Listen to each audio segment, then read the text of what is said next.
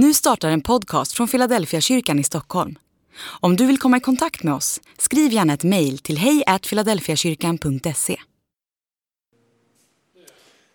Har ni tänkt på hur svårt det kan vara att ha kontroll över alla delar över sitt liv?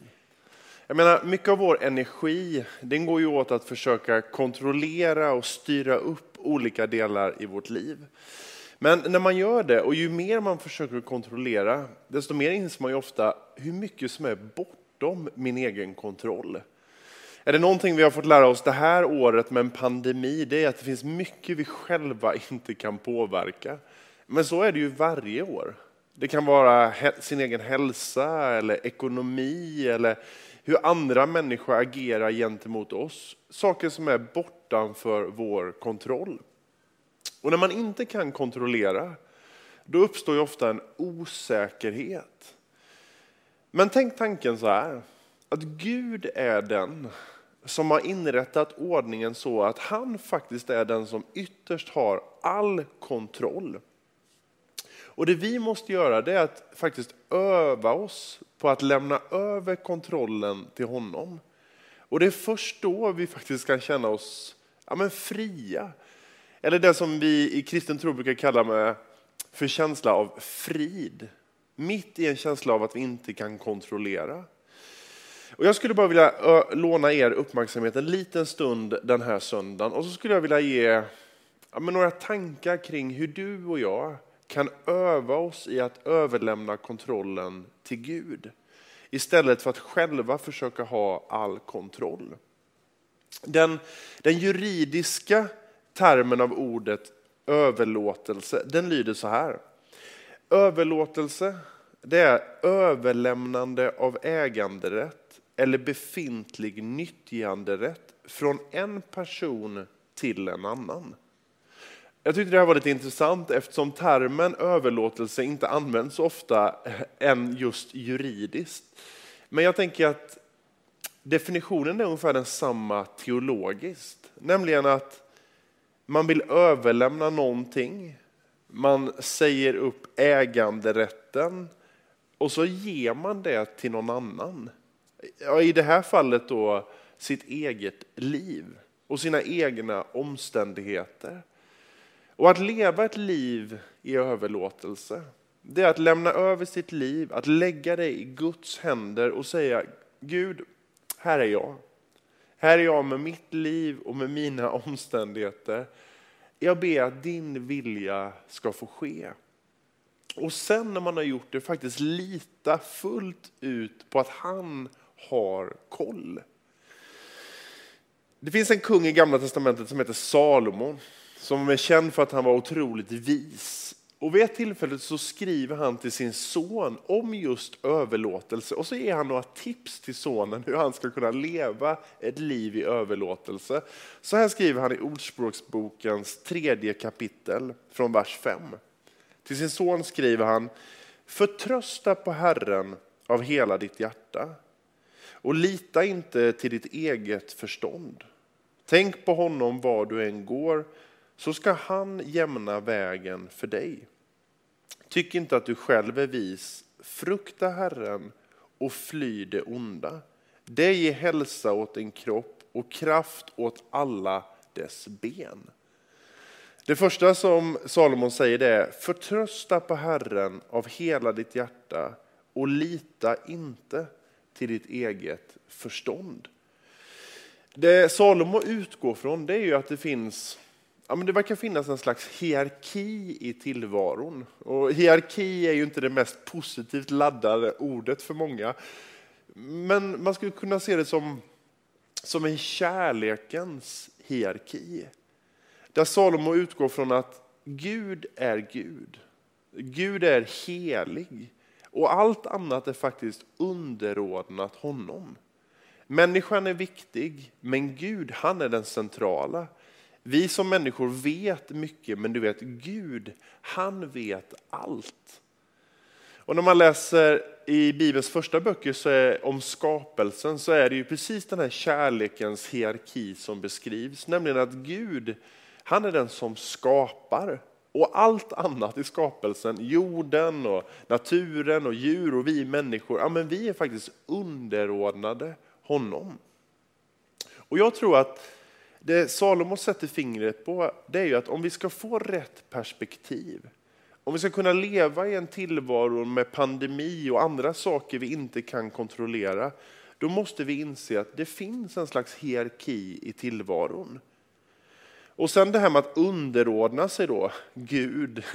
Ja, men jag tänker det här med underordning, det kanske inte riktigt ligger för oss människor, särskilt inte i den här tiden. Alltså vi vill ju oftast bestämma själva.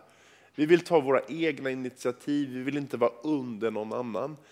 Men jag tror att om vi inte underordnar oss, om vi inte inser att det finns en hierarki och den är full av kärlek, så kommer vi själva aldrig hitta vår rätta plats i den här tillvaron. Det var en sommar för ganska många år sedan nu när jag faktiskt lärde mig ganska mycket om det här med överlåtelse. Och det var en sommar när jag, i, när jag var i början av 20-åren. Så spenderade jag den i Calcutta i Indien. Och så jobbade jag med eh, Moder Teresa-nunnor. Och jag minns att jag ringde från Stockholm ner till Indien på någon knagglig telefonlinje och så fick jag tag i en nunna som hette Karina. Och så frågade jag, är det okej okay om jag från Sverige kommer och hjälper er en sommar? Eh, och så sa hon, men du kan komma. Och så frågade jag, men var ska jag bo? Och vad kan jag äta någonstans? Och, så där. och då svarade hon, Mr Anderson, if God take cares of the birds in the sky, he will take care of you as well. Det var allt. Och sen åkte jag bara dit. Eh, och när jag kom dit, det första som slog mig det var en chock. Inte bara av värmen och att det var så annorlunda och den starka kryddiga maten, utan chock över den enorma fattigdomen. Jag hade aldrig blivit utsatt för den på det sättet. När man gick längs gatorna i Calcutta så låg det hemlösa familjer med spädbarn och sov direkt på trottoaren. Döende människor som hade kanske blivit påkörda eller hade sjukdom och inte kunde söka vård. De bara låg längs med gatorna eller vid, vid tågstationen. Och det jag minns var också doften. Alltså det var smutsigt och det luktade så illa. Och jag minns att jag tänkte efter någon dag, vad gör jag här?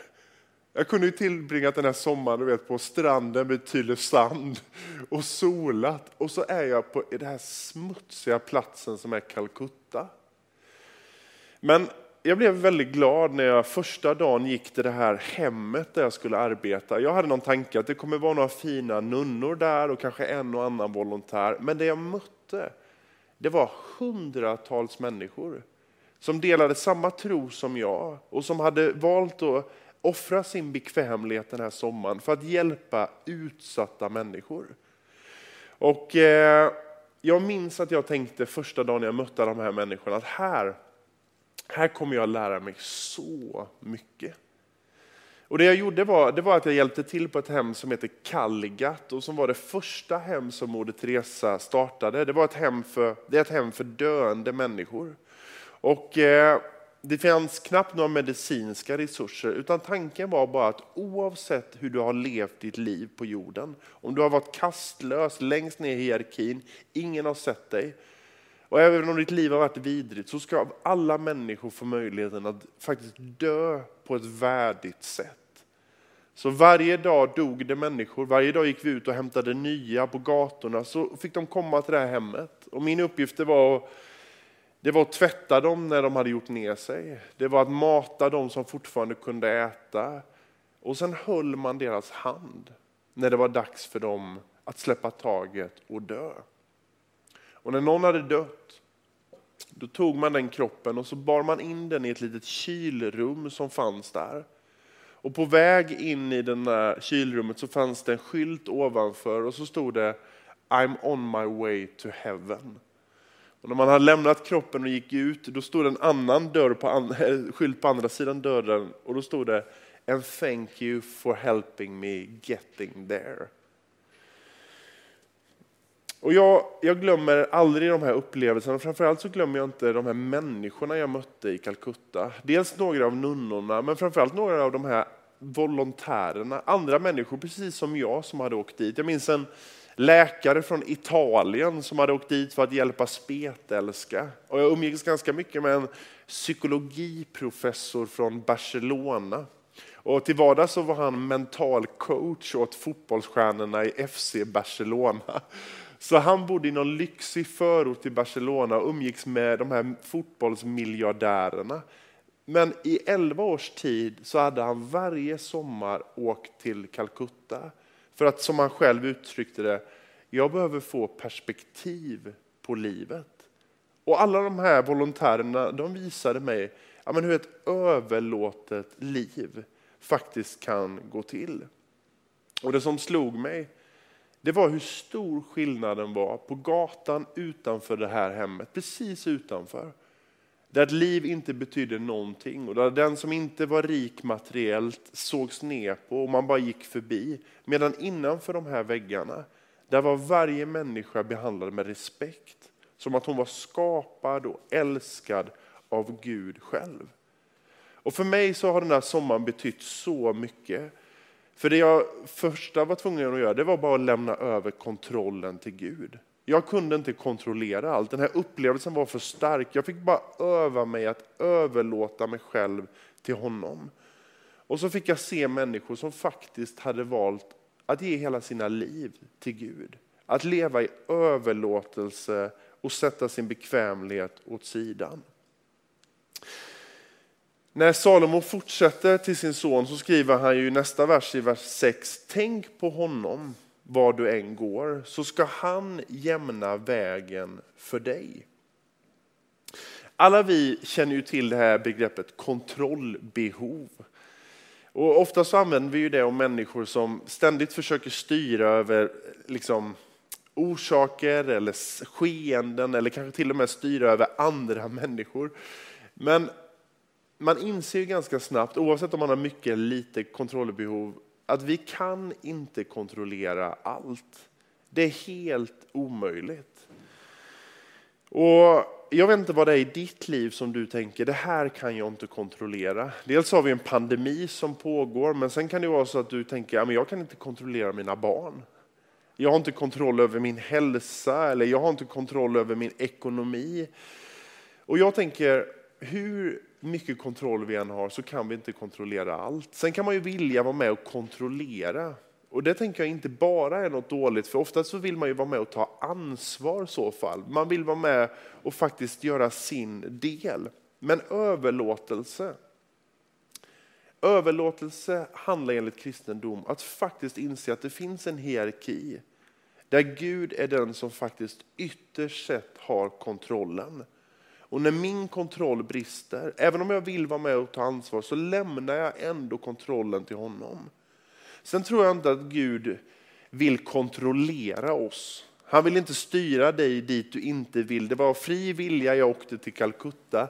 Men jag tror att han vill leda oss utifrån sin vilja och utifrån din vilja. Inte mot din vilja. Och jag skulle bara vilja skicka med en tanke till dig. Vad det än är du känner att du vill kontrollera men inte har kontroll över. Om det är pandemin, om det är dina barn, om det är hälsa eller andra omständigheter. Jag skulle bara vilja skicka med den här tanken. Att du har inte alltid kraft att kontrollera. Men du har alltid kraft att överlåta. Alltså du och jag har inte alltid kraft och förmåga att kontrollera vår hälsa, våra barn, våra omständigheter eller våra liv. Men vi har alltid tillräckligt mycket kraft för att säga Gud, jag överlåter mina barn till dig. Jag överlåter min hälsa, min ekonomi, mina relationer och mitt liv till dig. Och jag tror faktiskt, det är min erfarenhet, att Gud så ofta kan göra mer med min överlåtelse än han kan göra med mina försök till kontroll. Jag tror det faktiskt det är så att när jag släpper kontrollen ibland och säger Gud nu får du ta över, jag överlämnar det här till dig. Det är då han kan göra faktiskt fantastiska saker. Ovanpå det där hemmet i Calcutta där jag arbetade på dagarna, då fanns det ett litet kapell på taket med bara ett par platser. Men fem gånger om dagen så var det bön uppe på kapellet. Och Det var liksom en ständig rytm varje dag. Och jag försökte alltid smita upp där vid någon paus och vara med på de där bönerna. Och Det gjorde faktiskt hela skillnaden. För att man skulle orka se de här lidande människorna, att man skulle orka lyfta och bära och fixa. Då behövde jag de där minuterna när jag bara bad varje dag. Och jag tror att man behöver inte vara i Calcutta i fattigdomen. Utan jag tror att bön är faktiskt det centrala för alla oss människor som vill leva vårt liv i överlåtelse. Och det kanske är en gång om dagen eller fem gånger om dagen. Det kanske är en kyrka eller ett kapell uppe på ett tak i Calcutta eller precis där du befinner dig i husvagnen eller båten eller var du än är. Du kan också be den här dagen. Och du kan be till Gud. Gud, jag kan inte kontrollera allt. Men jag överlåter mitt liv till dig. Testa att be den bönen den här dagen. Testa att be den den här veckan. Gud, jag släpper kontrollen. Jag kan inte kontrollera allt, men jag överlåter mitt liv till dig. Vi ska strax sjunga en lovsång och lovsång tänker jag, det är ett av de där sätten man släpper kontrollen. Man påminner sig om att det finns en hierarki, att Gud är stor och Gud har kontroll. Så vi ska strax sjunga en lovsång, men innan dess så vill jag bara ta med dig i en bön.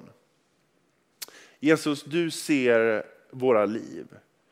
Och du ser allt det vi försöker kontrollera, men att vi ständigt blir påminda om att vi faktiskt inte har kontrollen.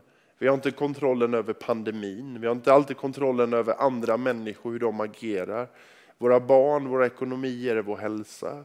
Oavsett vad det är som vi försöker kontrollera så ber jag bara, hjälp oss den här söndagen, den här veckan och den här sommaren att öva oss i att överlämna kontrollen till dig. Att faktiskt överlåta vårt liv och våra omständigheter till dig. Amen.